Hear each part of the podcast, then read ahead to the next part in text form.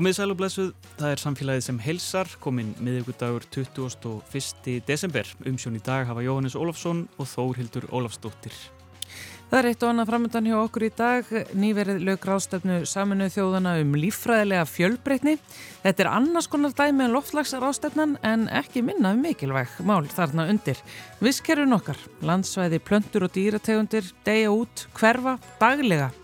Það er stenda því að 30% land og hafsaða heimsins verði vernduð fyrir 2030. Ærin verkefni framöndan hjá okkur Íslandikum svo mikið víst við tölum við tvo úr sendinemdini hér á eftir. En við ætlum líka að fjallum dýr á öðrum nótum. Við ætlum að segja stuttlega frá björnum í Ameríkum en nýjar rannsóknir skýra fjölbreytta litadreyfingu svart bjarna. Þeir eru ekki bara svartir, meirum það síðar. Málfarsmínútan er svo sínum stað og loks kemur etta okkar Olgudóttir til okkar hér í Vísendarspjallið sem er á sínum stað í samfélaginu alltaf á miðvíkudögum. Hún ætlar að segja okkur frá nýjum rannsóknum sem gera mögulega snemgreining á Alzheimer's og það væri þá gert með blóðpröfu. Við getum ekki beðið eftir að heyra meira af þessu en við skulum byrja á lífræðilegri fjölbreytni.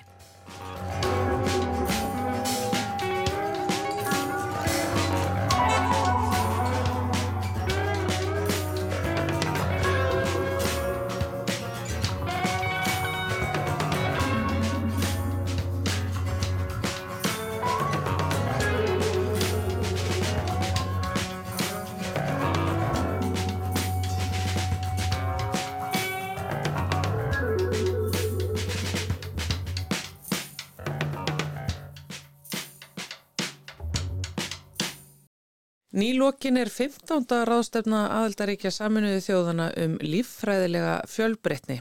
Hún fór fram í Montreal, Kanada. Íslendingar voru nokkrir á ráðstefninu, á vegum stjórnvalda fór sendi nefnd og tvö þeirra sem að sóttu fundin úr nefndinni eru hingað sest hjá okkur til að fara yfir það sem þarna var tekið fyrir. Það eru Snorri Sigursson sem er sviðstjóri Náttúruvendarsviðs Náttúrufræðistofnunar Íslands og Þórdís Björn Sigþórsdóttir, teimustjóri Náttúruvendar hjá Unguristofnun. Selveriði bæði tvö. Kom sæl. Sko, kannski byrjið á að útskýra fyrir hlustundum á hverju þessi ráðstefna er tekin sér en er ekki bara inn í loftlagsráðstefninu sem að allir þekkja? Jú, þetta er um, sittkor samningurinn hjá saminuð þjónum. Þeir eru þessi tveir stóru samningar sem eiga eila sama uppruna frá stóra Ríofundunum 1992 og hafa lifað alveg til sjálfstæðu lífi hinga til og, og fjallum auðvitað ólík málefni þó að snertifletinir séu mjög margir og það er alltaf að koma betur og betur í ljós og hver veit kannski framtíðinu munir saminast en, mm. en, en já þetta er, þetta er alveg aðskilin samningur já. sem hefur sjálfstækt líf. Þannig að þó að láflagsmáli náttúrulega tengist lífræðilega fjölbreytni og þá er þetta svona í sikkur hodninu með snertiflötum og tengingum. Akkurat. Mm -hmm. Sko þessi ráðstöfna er þá haldinn í rauninni bara í kannski svona svipuðu e, sviparu uppskrift og lofslagsráðstefnan. Það er verið að koma saman til þess að koma sér saman um nöðsynlega hluti að gera til þess að vernda lífræðilega fjölbreytni, ekki satt? Jú, akkurat. Það er verið að reyna að koma í veg fyrir þessa mass extinction sem er búið að hraða núna á mjög, mjög, mjög hratt síðustu ár og reyna að koma líka að draga úr það og, og endurheimta það sem er búið að erum búin að missa og þarna er verið að setja fram ákveðin ramma sem að þjóður eiga þá eru búin að samþykja að fara eftir og, og ná ákveðinu markmiðum sem er búið að samþykja á sem fundi, Já. stór markmið. Þú notar þarna ennskuna mass extension, þetta er bara fjölda útrýming þá dýrategunda? Já, í rauninni, að, og þetta er búið að hraða rosalega mikið síðustu ár, þannig að þetta er svona eitt af, eitt af því sem er mjög alvarlegt og lítið alvarlegum augum. Já. Sko, ég, ég veit náttúrulega dýr í heiminum eru fjöldamörg og, og þessu náttúrulega haldið að okkur eh, svona, hérna, þeim helstu sem við þurfum að hafa ágjur af eins og íspyrnirnir og svona sem að hafa náttúrulega orðið byrtingamind lofslagsáhrifa og, og, og dýrategundar sem að e, mikil hættastæðir að en, en þegar við erum að tala um þessa fjölda útrýmingu, er það ekki enþá þannig að það fer, það deyr út dýr nánast daglega í heiminum?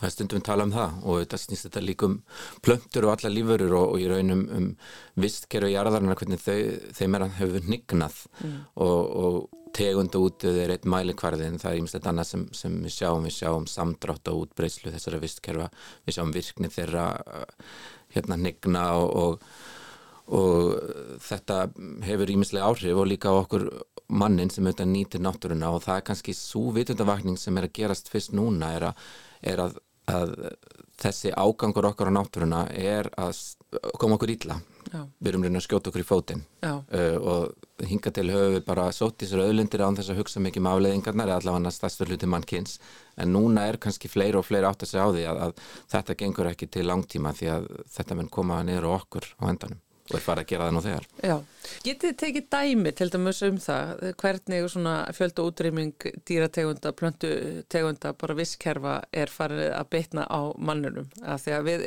náttúrulega, verandi maður hugsaum allt út frá okkur sjálfum, að þetta er svona eigingertan hátt. Bara til dæmis eins og Votlandi er greiðilega mikilvægt visskerfi sem hefur farið hnignandi, bæð á Íslandi og alþjóðlega. Mm -hmm og Votlendi gefa okkur ákveðna visskerfi stjónustu sem við átt talaðum og undir, undirstað okkar er, er visskerfin og visskerfi stjónustan sem þau veita okkur. Og Votlendi virka allir í, hérna, sem svona stóri svampar og geta dreytið sem mikið vatn og gefið vatna móti. Og það allir er einn ein svona aflegging mikils hérna þegar Votlendi minga og hnigna er mikil flóð sem hafa þetta bara geta haft ræðilega áhrif á okkur mannfólkið Þannig að það eru alls konar svona náttúru hamfarir sem að getur verið ástæða visskerfi snignunar. Annað dæmi sem er mjög mikið notað er, er, eru fræfandi skortir. Bíflugur? Bíflugur til dæmis. Já. Það eru svona byrtingamindar, það eru fullt af ymsum öðrum skortirum sem sinna til að fræfa plöntur og það eru með plöntur sem við reyðum okkur á mikilvægar uh, tegundir fyrir fæðuframleyslu til dæmis Já. og mikil notkun eituröfna, skortir eitur það hefur líka áhrif á þessa tegundi sem við reyðum okkur á. Þannig að þarna er mjög skýrt dæmi um hvernig aðgerður okkar er að koma okkur í koll. Já, og maður hefur svo sem alveg orðið var við sko alls konar vitundavakningu þegar kemur að sko lífræðilegri e, fjölbreytni sko bæði náttúrulega bara e, stórt en síðan líka bara svona einstæðaklingsframtakið svo eins og uh, við rættum um hér í samfélaginu sumar sko villigarðastefnuna sem er sem sagt, bara eitthvað fólk sem ábara þessa litlu garða sína og tekur bara meðvitað ákvörðunum að að hleypa þeim í tölverða órækt en það er þá bara að, að, að það að vera alltaf að stjórna umhverju sín og alltaf að krakka eitthvað í því sko, getur eðilegt fyrir dýrum frekar heldur en hitt. Þannig að það veri ekki alltaf að slá og það veri ekki alltaf að rýfa upp allt sem að, hérna, sprettur upp úr moldinni er Já. bara orðin þá bara meðvitu stefna til þess að ítundi lífræðilega fjölbreytni á pínum litlum skika. Þú getur ímyndað eins og ef maður verið með gard með bara einni blómategund og svo kemur sjúkdómur í blómið þá degi öll blómin. Já og ef þú ert ekki með hana lífræðilega fjölbreytileika sem getur svona náða að vinna sig úr öllum svona þessu slæmu kannski eins og sjúkdömum sem koma yfir visskerfi að þá getur farið mjög illa. Þannig að þessi lífræðilega fjölbreytileiki hann er, hann er undirstæða alls í rauninni. Er... En hvaða markmið, eða hvaða, hver var stefnan þá til dæmis á þessu, þessari ráðstefnu uh, hérna, um lífræðilega fjölbreytna hvað hva svona lág á ykkur að gera á þjóðunum? Þetta var mjög metnafull stefna sem var uh, lagt upp með og var unni með draug þarna og síðan var auðvitað komist að samkommulagi. Það auðvitað geta verið skipta skoðanir um hvaða leiðir er best að fara. En, en í rauninni stóra markmið er, er að snúa þessari hnignun við, að bæta ástand visskerfa, að stöðva þennan massa útöða, að tryggja uh, velferð og, og virknið þessara visskera sem við reyðum okkur líka á til langstíma og það var að tala um árið 2050 þá verðum við búin að ná þessu jafnmægi. Stefnað er enda til 2030 þannig að aðgerðirnar sem, sem við þurfum að fara út í þær þurfum að fara á stað núna og eru svolítið tímasetta með árið 2030 sem markmið. En, en stóra markmið er, er, að, er að þær aðgerður og þær sem koma svo í kjölfarið séu farnar að skila sem árangur árið 2050 þannig að það er mjög mikill metnaður. Sko þegar við tölum um aðgerðir Íslandíka skilja náttúrulega þetta með endurheimt votlandis en ég minna hvað eru að tala um bara svona heimsvísu? Hva, hvernig endurheintum aður visskerfi sem að eru farin? Þetta er mjög stort og og viðtækt og við erum að tala um svona hefbundar náttúruvendar aðgerðir eins og mendarsvæði og, og eitt svona aðal markmiði í þessu samkominlega er einmitt að tölulegt markmið um 30% svæða á landi og í sjó og fersku vatni verði vend og heimsvísu árið 2030 síðan er þessar endurreimtar aðgerðir, endurreimtar ösku visskerfi, en síðan er það líka auðvitað að koma í veg fyrir að það sem er að valda þessari hnignun haldi áfram að gera það. Og það eru kerfisbreytingar sem er vera að kalla eftir, breytingar á á framlegsluháttum í landbúnaði, breytingar á, á hvernig við nýtum nýtjastofna eins og í hafi, fiskistofnana til dæmis, uh, neysluvenjur okkar, uh, þetta er mikið til sömu og við erum að tala um varandi loslasmálinn, það eru þessar stóru í rauninni uh, þættir sem í okkar lifnaðarháttum sem eru að hafa áhrif á þetta. Og síðan þarf auðvitað að tryggja að, að allir séu með þannig að fyrirtæki eru nefnd, þau þurfu að taka þátt. Uh, það þarf að vera nægt fjármag til að tryggja að þessar aðgerir muni vera nógu afkastamiklar og nógu viðtækar og eiga sér stað allstaðar það er líka mikið tala um réttlæti að hérna að fátækari þjóður heimsins að þær fá þann stuðning sem þarf til að fara í þær aðgerir. Margar af þeim eru þær þjóðir það sem líffræðal fjölbyrnir er hvað mest eins og í hittabeltinu. Mm. Þannig að það var mjög áhverð til eins og okkur sem erum svona komið úr umhverfisheiminum að sjá þá umræðu á, á ráðstefninu um, um, um réttlæti og, og jöfnuð og, og jöfntækifæri e, jafnan stuðning um hlutverk frumbyggja samfélaga og ímislegt. Þetta var, þetta var svona e, félagslega mjög áhugavert. Emmitt, við höfum alltaf nýtt náttúruna og beiktana undir okkur og erum komin á þennan stað sem við erum út af því að við höfum gert það. Er, þá er það bara sem sagt, er þá ekki krafan einmitt hjá þeim að bara við hljótum að fá að gera það sama? Já, í rauninni allan að krafan að þau fá þá fjármag sem að aðra þjóður hafa í rauninni náða að nýta eins og það var svolítið kannski svona nýlendu ríkin og þessi, þessi ríkari þjóðir, þróuðu ríkin að þau er rauninni að styrkja þróunaríkin en já, það var mikið talað um bara fjármagn og að fá styrki frá þessum þróuðu ríkjum að þau hafa, hafa þau ríki nýtt eins og þú segir þannig lífræðilega fjölbreytileika sem að núna hinríkin vilja auðvitað nýta til að komast á sama stað já, já. þannig að það var alveg stórt mál og á einn tímbúndi gengu þró, þróuðu þróunaríkin út af fundi út af bara, það var ekkert þeim, ekki, þeim þótt ekki nægilega mikið fjármagn eigi að vera varið í þetta og þau, þau vildur einnig að það gerur nýr hérna svona fönd bara fyrir þann, þennan samning og þessar aðgerðir sem var ekki ákveðið að gera en það var komist að ekkur samkominlega sem að þau þöldu vera ásættanlegt Já. í lókin. Sko þessi réttlættisumar að það snýst dálítið mikið um að, að auðlindirnar sem finnast í heiminum eru auðvitað nýttar af öðrum þjóðum líka og hafa kannski hingað til ekki verið ekki verið nýttar jæmt, þar að segja hagnaðurinn af þeim hefur ekki skílað sér jæmt til allara og sérstaklega hefur verið talað um til dæmis frumbyggjar sem uh, búa oft við uh, dræm kjör en, en vilja líka halda í ákveðina hefðir og lifnaðarhætti að það er verið að ganga á þeirra öðlendir og fjarlæða þær og nýta annar staðar. Mm. og þetta er náttúrulega þessi nýlendu uh, stefna sem hefur haft, haft þær afleðingar og það er bara ennverið að vinna sig út úr því. Og, og það var mikil, lögð mikil áherslu á að þetta er sett inn í samningin að það er viðukent þessi réttur og það er tryggt að, að þessar auðlindir hagnarna þeim myndi dreifast einhvern veginn jafnar. Og það er verkefni sem er þar þá að finna út úr hvernig við erum framkvæmt. Þannig að þetta snýst ekki bara um vendin umhverju sem heldur líka um þetta Já, félagslega réttlæti og jöfnuðin. Hvar koma Íslendingar inn í þennan uh, metnaðfulla samning? Hva, hvað eru við, uh, hvað er okkar framlag? Við erum, erum með mikið hafsæði í kringum okkur og getum gert mun betur þar og fyrir markmið sem voru samþaugt fyrir í samningnum 2010 sem að kallast AITSI markmiðin. Þar voru markmiðum að 10% í hafi ætti að vera vendað mm.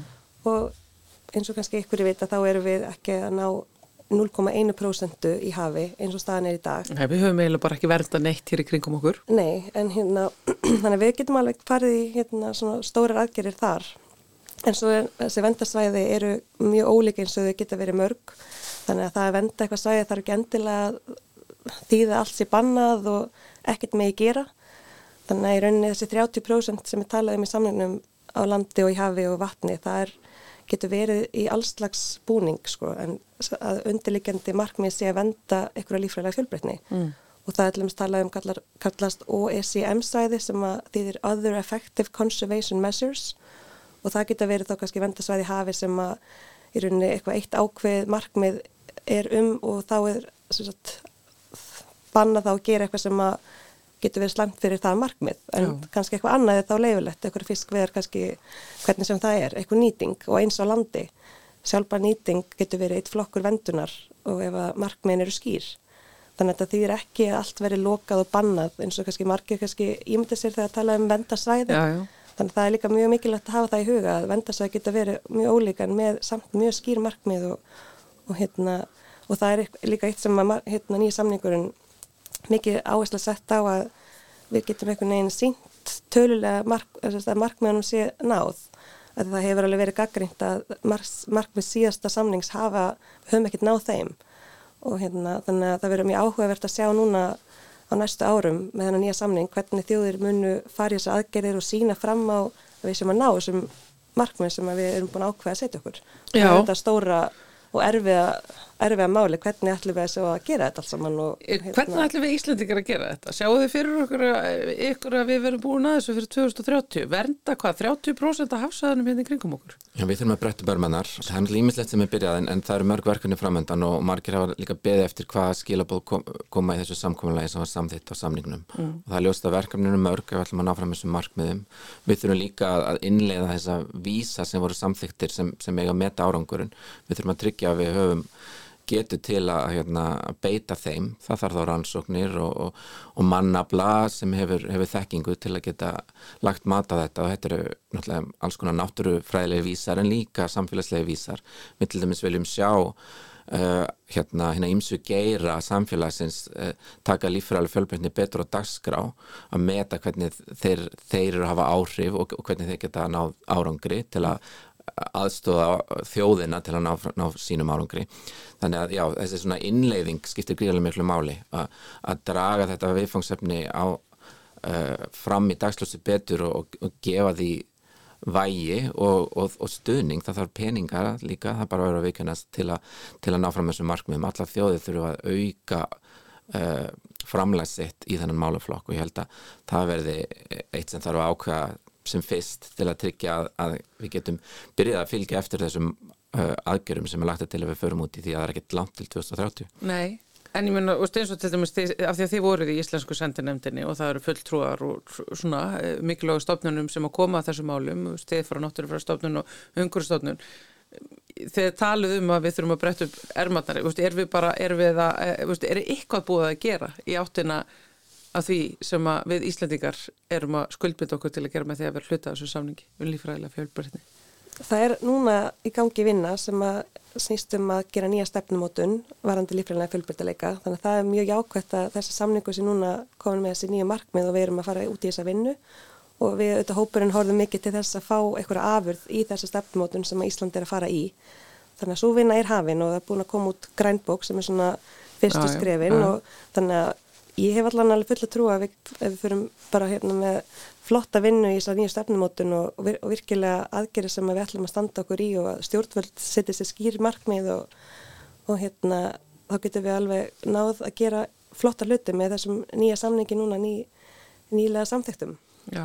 Og eins og með öll svona stór og flókin mál sem hafa áhrif á marga þá náttúrulega skiptir uh, máli að, að sem flesti séu meðvitaðir og, og taki þátt og átti sig á mikilvæg þess að, að þetta málefni að því sé sint þannig að þessi svona samfélagslega vitund að hún aukist og þar myndist þrýstingur á þá sem geta tekið ákvarðanir og stjórnað og að, að hún aukist, hún hefur kannski ekki verið nægilega mikið linga til. Þetta er málefni sem hefur verið dálítið falið en lofslagsmálin hafa fengið mikið mikla aðtekli og þar erum við farin að sjá einmitt svona hinn almenna borgar að farin að hugsa mig mikið um hvað hann getur gert og það er einu það sama sem, sem þarf að gerast hér með þetta málefni. Og sem betur fyrir þá er þetta oft sömu atriðin sem eiga við um þessu tvö mál. Þannig þannig að þetta þarf ekki að vera svo gríðilega flókið. En síðan eru líka sömu hlutir sem þarf að, þarf að skoða alveg sérstaklega og, og, þannig að það eru ærin verkefni. En, en ég held að, að eftir því sem við fylgjum spötu með því, þessari slæmu hnignun og þá áttu okkur á því hvað er áriðandi og það mun bara svo hérna vitundavakning, hún, hún er óumflýjanlega held ég. Já, já, það er allavega að ljósta Íslendingar eiga æri verkefni fyrir höndum en við náttúrulega líka skuldum, við erum aldrei búin að, að græða og bæði hafinu í kringum okkur og jörðinu undir fótunum á okkur þannig að, að það að vernda og gæta og, og, og, og skila einhverju tilbaka er náttúrulega bara eitthvað sem að talandum félagslegt réttlæti og jöfnu það við þurfum bara að gera. Það er greinilega áhugaverð og vonandi ekki neitt rosalega erfið samtöl sem að, að hérna, þið og stjórnvöld þurfum að fara í hér innanlands ef þetta á að nást allt saman já, 2023 er að fara að ganga í gang þannig að það er, það er klukkan tegur. Aðtilsvægst að heyra við þessu og við náttúrulega fylgjum þessu áfram eftir eh, hér í samfélaginu. Snorri Sigursson, sviðstjóri Náttúruvendasviðs, Náttúrufræðastofnunar Íslands og Þórtís Björn Sigþórsdóttir, teimistjóri Náttúruvendar hjá Unguristjónun. Takk kærlega fyrir komuna. Takk fyrir. Takk sem leiðis.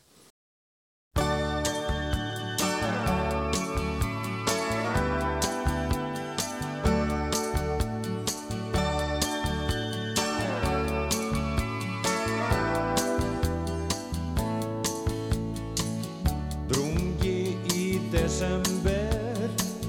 Dagskíman föl Svo skjelving lítil er.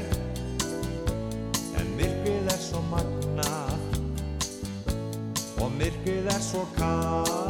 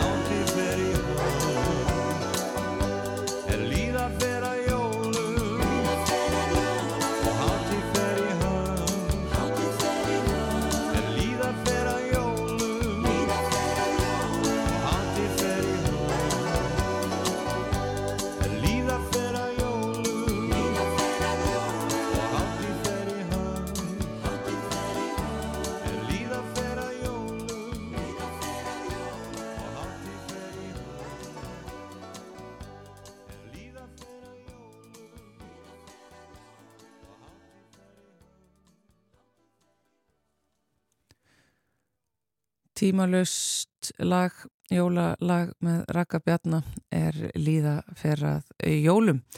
En uh, við ætlum að halda áfram hér í samfélaginu og uh, fara já, í allt aðra átt uh, og þó ekki, við vorum að rættum hér áðan um lífræðilega fjölbreytni.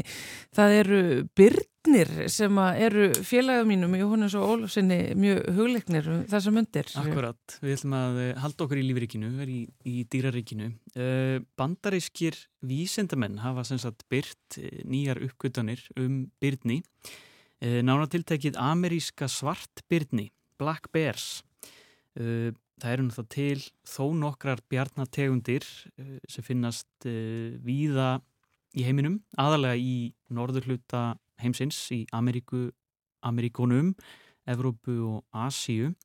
Og þetta eru stærstu rándýr á landi sem fyrirfinnast, það er náttúrulega kvítabjörnin lang stærstur og það sem þessi vísindahópur til þess að hafa fundið er genastökkbriði í svartbjörnum Norður Ameríku sem gerir mönnum afar erfitt að greina í fljótu bræði litin frá öðrum bjarnategundum.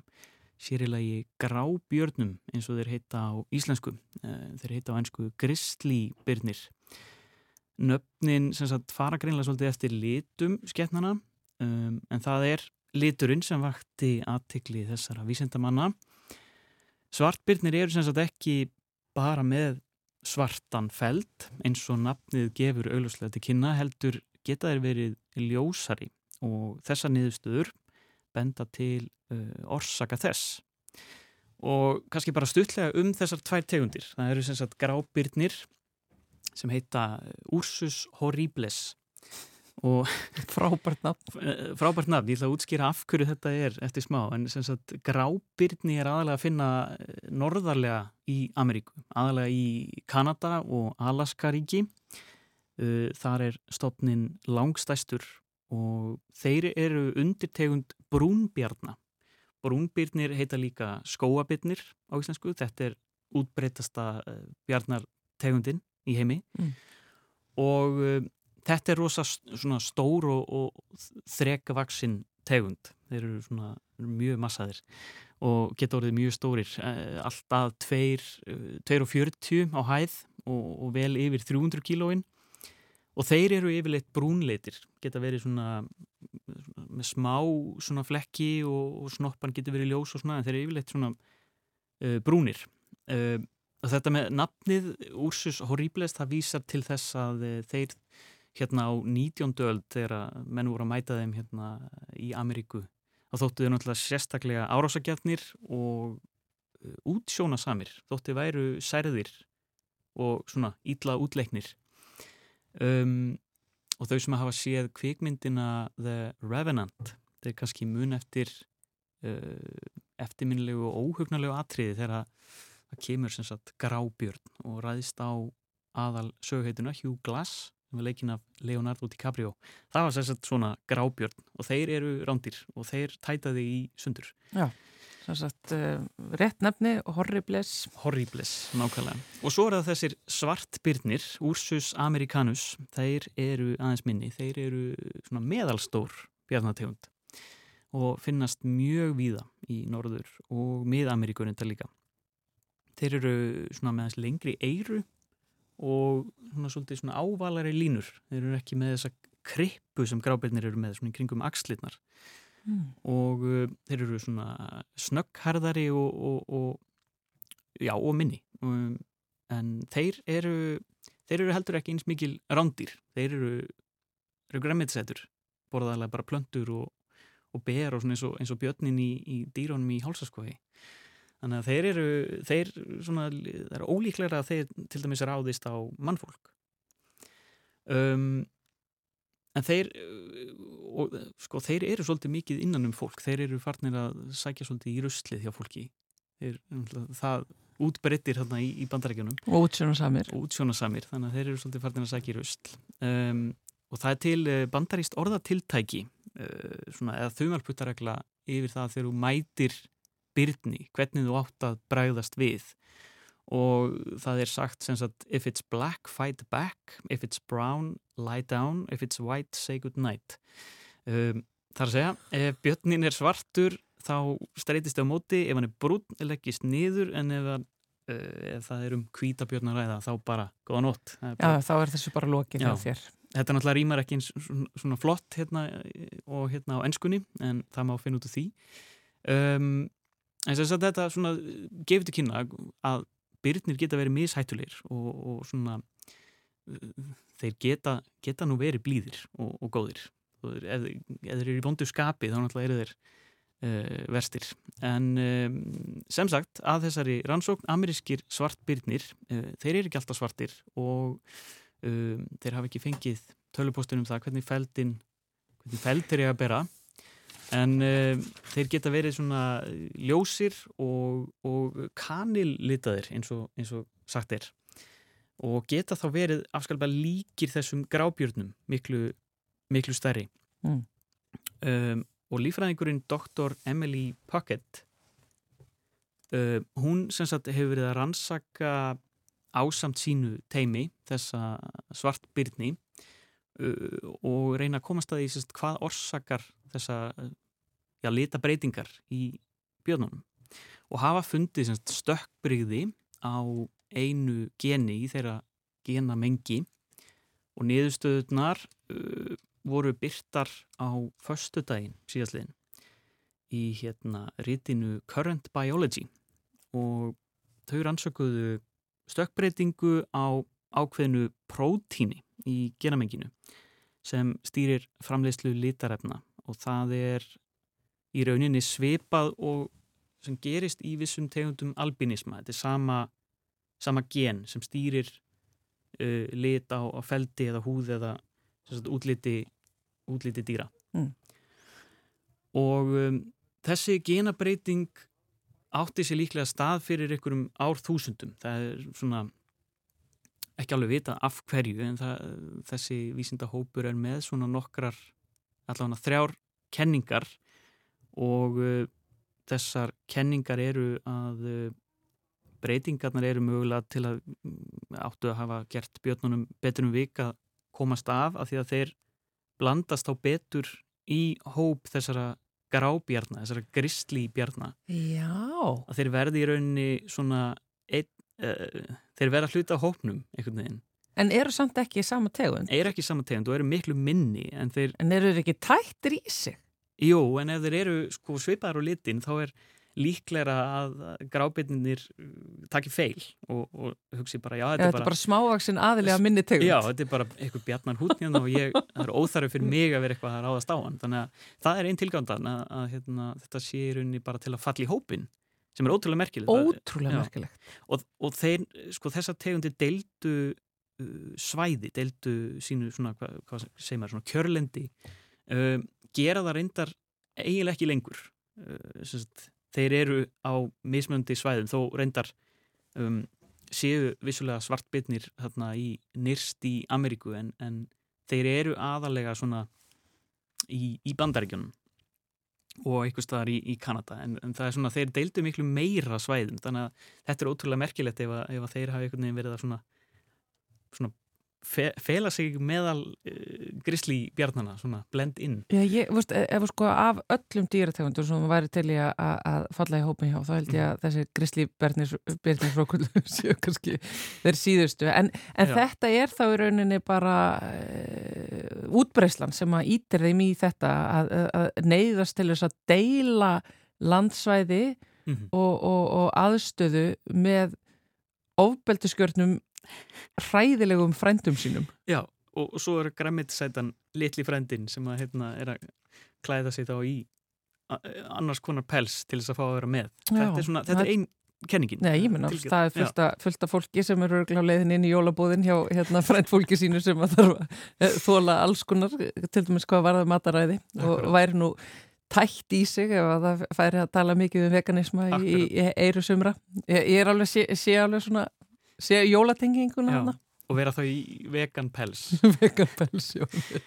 En svo er önnur tilgáta sem að um, hefur með endurkast ljósins að gera að hérna, eftir því sem þú ert eh, sunnar á, á hlýrri svæðum þá náttúrulega gengur ekkert að vera í kolsvörtum pels og það gæti verið að þetta hafi verið bara bein afleiðing af sólaljósinu og að uh, sagt, það sé betra að vera í, uh, með svartan feld því norðar sem þú ert Mm. og því kaldara sem það er. En sagt, þessar tvær tilgáttur eru ekkit endilega sko, það sem að þeim finnst mest spennandi. Þeim finnst í rauninni bara mest spennandi að þetta sé, hafi gerst til þess að byrjindin falli betur inn í landslæðið. Að það sé bara, sagt, það meiri auðn og meiri berangur í, í söðri, sem sagt, þarna svona eðimerkur í kringum Mexiko og, og, og hérna, Arizona og til dæmis.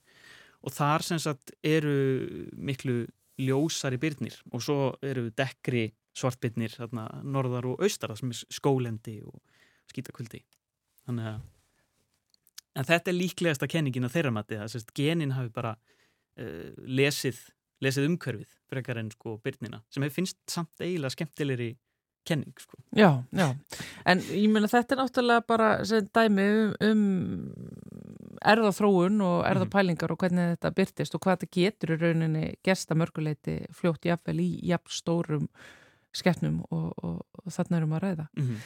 En, já, Svo náttúrulega pandabjörnin sko pandabjörnin er ótrúlega eh, merkilegur á litin og skemmtilegur. Það er svolítið eins og hann sé teiknaður. Mhm, en það er þetta svona, svona Það- krútlegasta dýrið sem við getum hugsað okkur það er alveg ástæði fyrir því að hann er uppáhald allra sem að búa til teiknumyndir. heldur betur Já, en það, eh, sko, svo lita samsetning um, tilgáttundum sem ég las þarna eh, sem sagt, voru að, að það væri vegna ljósbrots uh, inn í, inn í sko frumskó og skólendi þar sem Mm. að eru mjög skýrir uh, svona skýrt ljós og skuggi og þá er þetta náttúrulega góður felilitur til að brjóta upp þetta uh, svona, já, skýra skugga hvað sem er umhverfi. Já, svona svolítið eins og tígristýr tígristýr eru náttúrulega mjög áberandi eða eð þú horfir á það bara eitt og sér bara á hvítum bakgrunni. Já, en ef þú setur það inn í þar sem eru svona drungalegir eh, svona ljósstafir og, og skuggar þá náttúrulega virkar þessi röndótti felulitur miklu betur. Og það sama við um, um pöndur já, Og þetta er sko, þetta er meira svo orðið að einhverjum svona leik að þar sem að fólk er látið finna dýrið þar sem það er í sínu náttúrulega umhverfi. Ég sé þetta vera að ganga á samfélagsmiðlum sko, þú veist að fyndu hlébarðan, fyndu, fyndu hérna, hitt og þetta sko. er svona eins og hvar er valli bara Já, hvar valli bara nema dýrin. En Já. það er sem sagt, já, en út frá þessu og þá er það líklega umhverfi sem að ræður því hvernig hérna byrninir eru. Já. En sko bara ein pæling út af því að, að það eru þessi stórskemmtilegu og aðtilsverðu litafyrirbreyði sem að finnast í björnunum þarf Mhm. ekki að breyta einhvern veginn nöfnunum á þeim. Það er nefnilega það sem ég svona velti fyrir mér eftir þessa litlu frétt. Ég lasi þetta sem sagt á hjá uh, vísinda uh, hérna uh, hjá New York Times sem sagt vísindaritinu þar um, og ég, einmitt, þetta var bara fyrsta spurningin mín. Ég þarf ekki bara að breyta þessum nöfnum og sagt þetta með að ameríski svartbyrning geta verið brúnir uh, við, þurfum, við þurfum þá kannski bara að breyta fleiri dýrategundum sem að sko að því að dýr kom í alls konar litum og, já. og um, já, ég meina núna svartbyrnir eru rosalega algengir og það er kannski ástæðan fyrir því að um, þau lögðust í þessa rannsókn þeir eru, þeir eru í hraðri útbreðslu í bandaríkjunum það er aðalega vegna sko um, veiði, strángari veiðiregla og svo hérna eru reglur um sem sagt, endurheimt uh, kjörlendis þeirra og svona þannig að þeir eru orðin svolítið svona út um allt Já, það er bara ágætt. Já, það er bara frábært og, og þeir eru svona farnir að já, fara í ruslið og svona þannig að fólk er orðið Kannski að sverra. að- aðeins verða sko en já, að sjá brúnan svartbjörn það, svona, Það rugglar. það rugglar aðeins þannig að við þurfum kannski eitthvað að fara að endur þetta en við kannski þurfum ekkert að hafa ágjörða þessu hér ég menna við erum ekki með Ekki, ég, Sem betur fer Bara eða- stundum kvítabitni sem að koma. Já, já. Þeir, já. eða því miður, ég veit það ekki kannski, kannski væri gaman að hafa Ekkert betra hafa heldur en birni hérna. birnir, sko. Já. Hefurðu eru- séð- séð björn? Ekki lifandi. Nei. Já, jú, jú, í, í, dý- jú, í dýragarði. Já. Ég, veist, ég hef séð byrni í dýragarði. Já, já. En, en það er ekki, það er ekki að sama það er ekki það sama. Það er ekki það náttúrulega umhverfi. Við- Alveg sama hversu góðu dýragarðurinn er. Þetta er aldrei eins.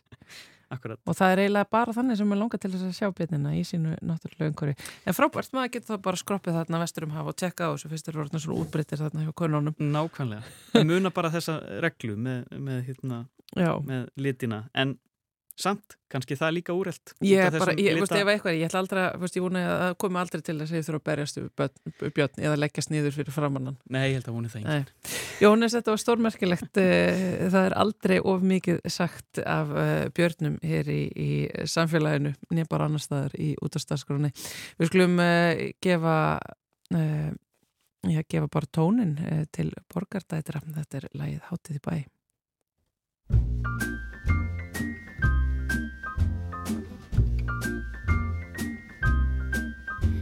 ljósa dýr, loftin gillir, lítið hús indi fyllir og hugurinn heimleiðis leitar því æ, mann ég þá er hátíð var í bæ.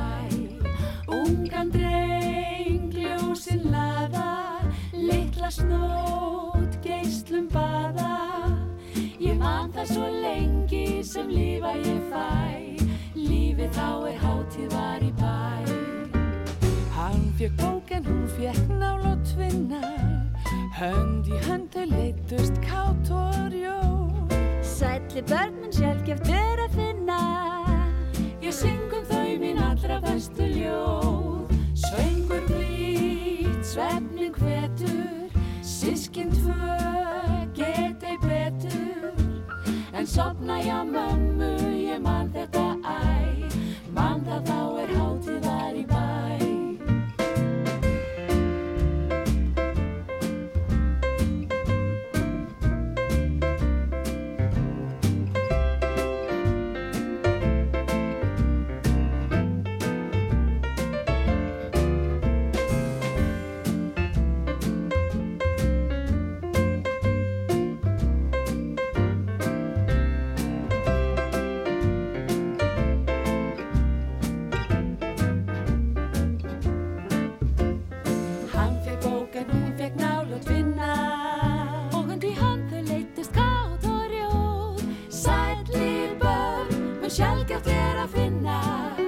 Ég syng og syng um þau mín allra bestu ljóð.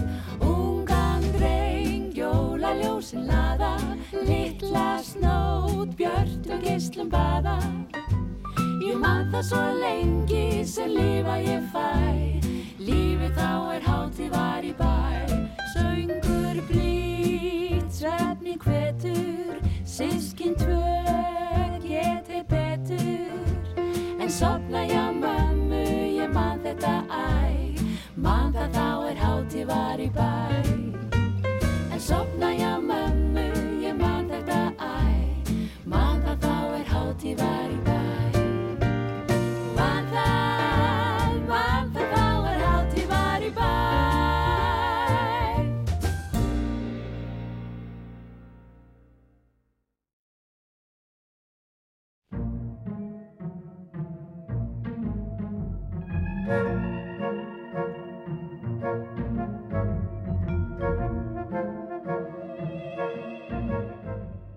Ruslarappið með Eiriki Erni Þorstensinni, sérfræðingi í fræðslu og miðljón hjá Sörpu. Við ætlum að taka fyrir fyrirspurt frá hlustenda sem var að velta fyrir sér hvernig hann eigi að flokka Já, hvernig hefur við útskýra þetta? Sem sagt, litlu festingarnar sem eru gerðan á bröðpókum uh, til þess að halda pókanum lokuðum.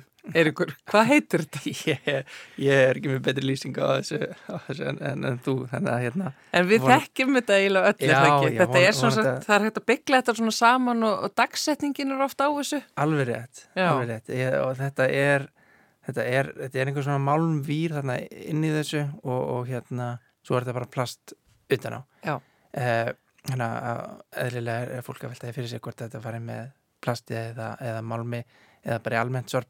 Eh, ég myndi nú setja þetta með almenna sorpin út af því að eh, mótukvæðalega eiga erfitt með að aðskilja málminn þarna frá og, og þá myndi þetta eflust bara þvælast fyrir efni sem er þá hægt að endurvinna og er það þá brent en hérna uh, já, í almenna sorpi með þetta Já. En ég fagna því að hlustendur séu að velta alveg litlu hlutunum fyrir sér. En að því sögðu á stórum heimilum þar sem að er borðað mikið af brauði, þar sapnast alveg töluvert mikið af þessu saman. Já, alveg rétt Þannig að bara hikið ekki við að senda til okkar fyrirspurnir um hvað eina sem að þið eruð að vandraðast með þegar þið standi fyrir fram á flokkunatallana á ykkar heimili, kæru hlustendur.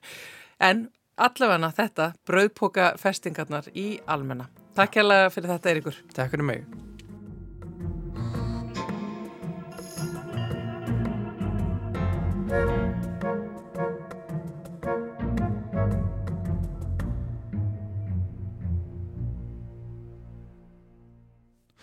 Stórmálinn tekinn fyrir í ruslarappinu að venju. Hér og eftir er vísendaspjallið með Ettu Olgudóttur, hún er að koma sér fyrir hérna hjá okkur hljóðstofu. En um, áður en að við uh, forvittnastum hvaða rannsóknir hún er að segja okkur frá að þessu sinni skulum við fá eins og eina málfarsmínútu.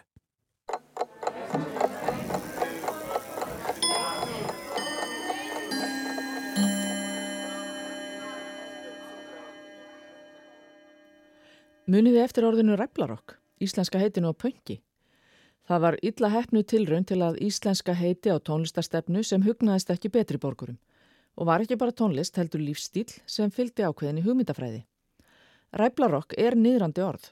Ræflar eru ómerkilegir ónýtjungar, vesalingar eða aumingjar. Vissulega augruðu pönkararnir með hegðun og klæðaburði og lifðu margir ekki beint heilsusamlegu lífi. Ræflarokk er samt mísefnu tilraun til að hindra að sletta næði fótfestu. Á sama tíma voru pop og rock orðin viðurkend íslenska, bæði erlend heiti á tónlistarstefnu. En pöngið varð ofan á, það fellur vel að framburði og beigingum og er virt í orðmyndun. Pöng og orðin sem að því eru leitt eru fín viðbót við íslenskt mál sem orðið ræflarokk var ekki.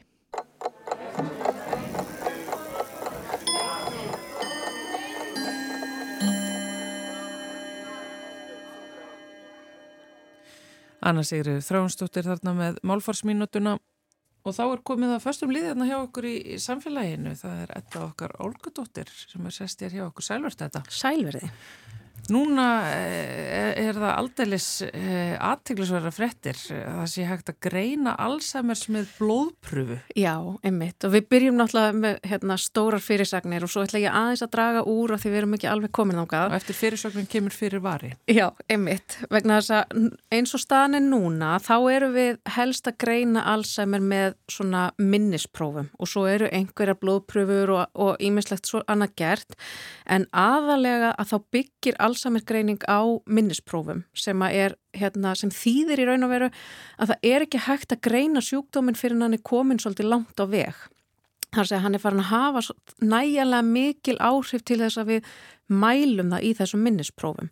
Og þetta er svona eitt af því sem hefur verið kannski hérna, sko það sem að, já, hefur staði helst fyrir dýrum hvað varðar hérna, meðferð á Alzheimer vegna þess að þegar að greiningin likur fyrir að þá snýst meðferðin að langmestu leiti um það að halda aftur af enginnum vegna þess að það er ekki hægt að, að lækna sjúkdóminn því miður.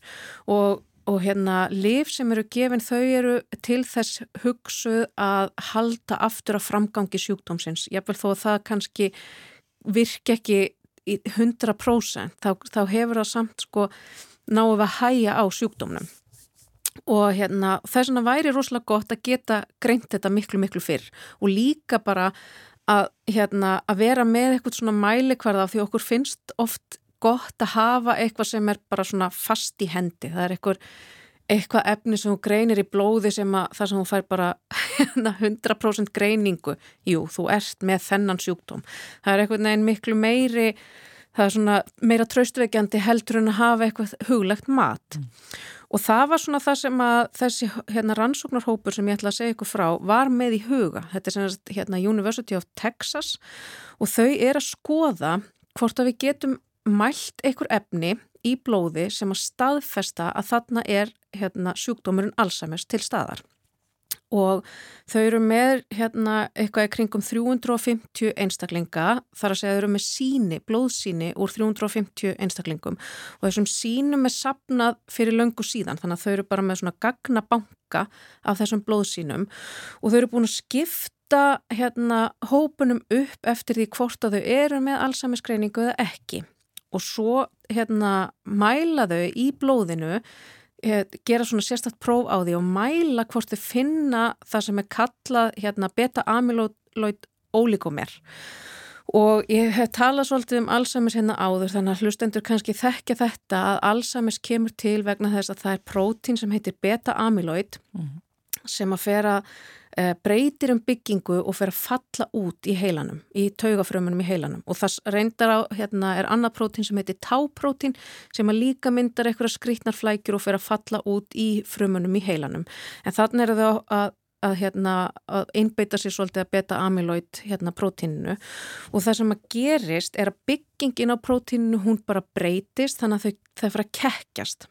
Og prótín sem við erum með í líkamannum þau hafa hérna eh, almennt faraðu í, sko, myndaðu alfa helixa eða beta síður eða beta síts á ennsku mm. og þetta er bara svona ákveðin bygging sem að byggir á því hvaða samindir það eru í aminosýrunum sem er að hittast þegar að, prótíni verður til.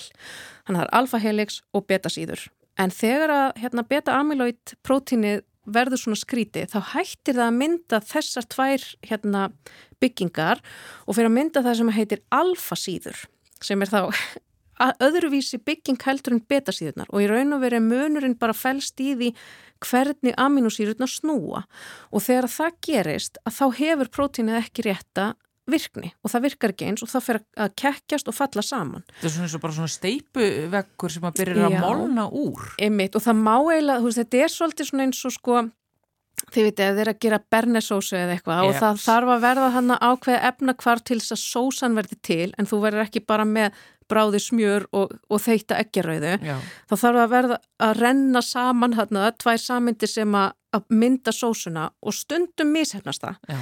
og það er það sem gerist við beta amyloid. Þetta skilur sig. Þetta skilur sig eitthvað neinn og, og kannski mætti segja það sé öfugt vegna þegar, þegar beta amyloid er hérna fyrir að mynda þessa skrítnu hérna, byggingu þá fyrir nefnilega prótína að klessast saman og mynda bara svona kekki. Já, já bara komið með kekki út á sósu bara, já, þetta já. er bara allan á vond má Já, þetta er ekki gott. Nákvæmlega. Og svo virðist vera að hluti af þessum hérna kekkjum að það fer út í blóðrásina og þess, það er það sem þau eru að nota í þessum, hérna, þessu prófi sem þau skamstafa sko SOBA sem stendur fyrir Soluble Oligomer Binding Assay. Og það þýðir bara Soluble, það er komið út í hérna vökva og, og þá út í blóð. Oligomer þýðir í raun og veru bara að þarna er nokkur af þessum prótínum farin að festast saman. Pólimer þýðir sko fjölliða, ólíkomer er, er fáliða þannig að við erum komin með smá svona prótínklessu sem að, að hérna, við náum að greina. Og likillin á bakvið prófið er það að, að prófið er að, að hérna, skinja þessar alfasíður sem er koma bara yfirleitt ekki fyrir í prótínum líkamanns, ekki undir venjulegum kringumstæðum. Og þegar þau skoða þennan blóðbanka sem þau eru með, eða blóðsínabanka sem þau eru með hana, þá er sem sagt 53 einstaklingar hafa fengið allsamir greiningu þegar sínin eru tekin og af þessum 53 einstaklingum þá geta þau mælt þessa ólíkomera í 52 blóðsínum sem þýðir að við erum eiginlega komin hérna með próf sem að sko er mjög nákvæmt á að sína fram á við erum með hérna, að þarna er eitthvað skonar sjúkdómur í gangi. Það sem er líka rosa áhugavert er að af kontrólhópnum eða viðmennarhópnum að þá eru tíu einstaklingar þar sem þau mæla þessa ólíkumera líka.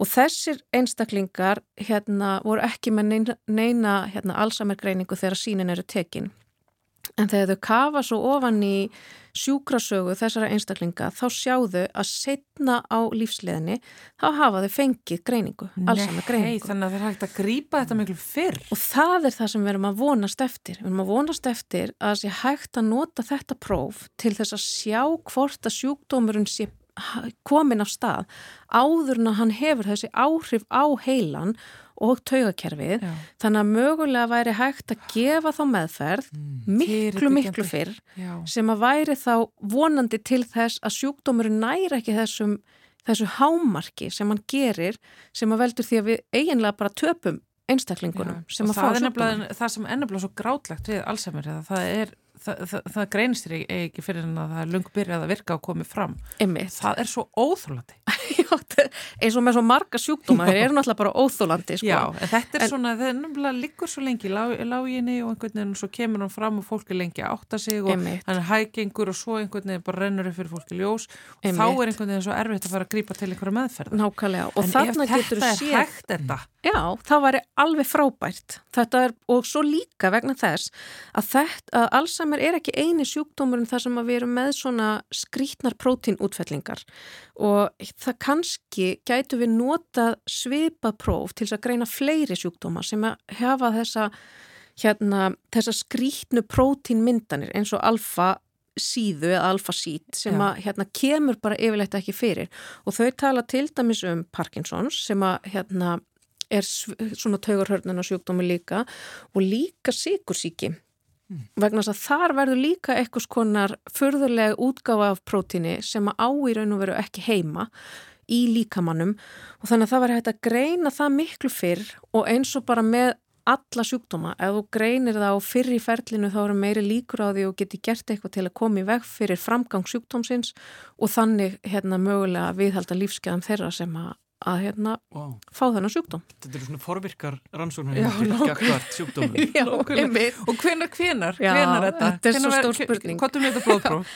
Sko nú eru, hérna, þessi rannsókn var gerð sko á 350 einstaklingum og hún er gerð í, á blóðsýnabanka sem er hérna gamall og við þurfum kannski að taka hérna aðeins, við þurfum í fyrsta lega að taka stærri rannsóknir og við þurfum að sko, setja þetta í aðeins svona fylgja fólki eftir og þú veist hvernig þetta er þórhildur, ég er aldrei með neitt góða, sérstaklega góða tímalínu en hérna, en ég vona þessi rannsókn fari lengra og ég held að við séum algjörlega með gott dæmi um eitthvað sem að fær mikið fjármagn ef að, hérna, ef að koma jákvæða niðurstöður úr. Ég segi bara setið, setið auðraði þetta. Þetta er eitthvað sem að þarf að vera hægt að taka bara mjög bráðlega. Algjörlega. Ótrúlegt. Þetta eru góða fréttir og náttúrulega alltaf pínu frústrandi líka þarna úr heimi vísindana. Það er tíminn sem er, líður mjög lengi þarna hjá okkur stundum. Já, En eh, þetta var mjög aðteglisvært. Takk hella fyrir þetta, Edda. takk fyrir mig. Og uh, með því líkur uh, þætti dagsins, um, uh, það verður líka bráðum búin þessi dagur því að þetta er styrsti dagur ársins, þannig að hann er fallegur, farið út og njótið hans eða getið kæru hlustendur. Við Þóldur Ólustóttur og Jónas Ólason kveðjum og morgun er síðasti dag, þáttur samfélagsins fyrir jól. Verið með okkur þá. Akkurat. Takk til næst, verið sæl.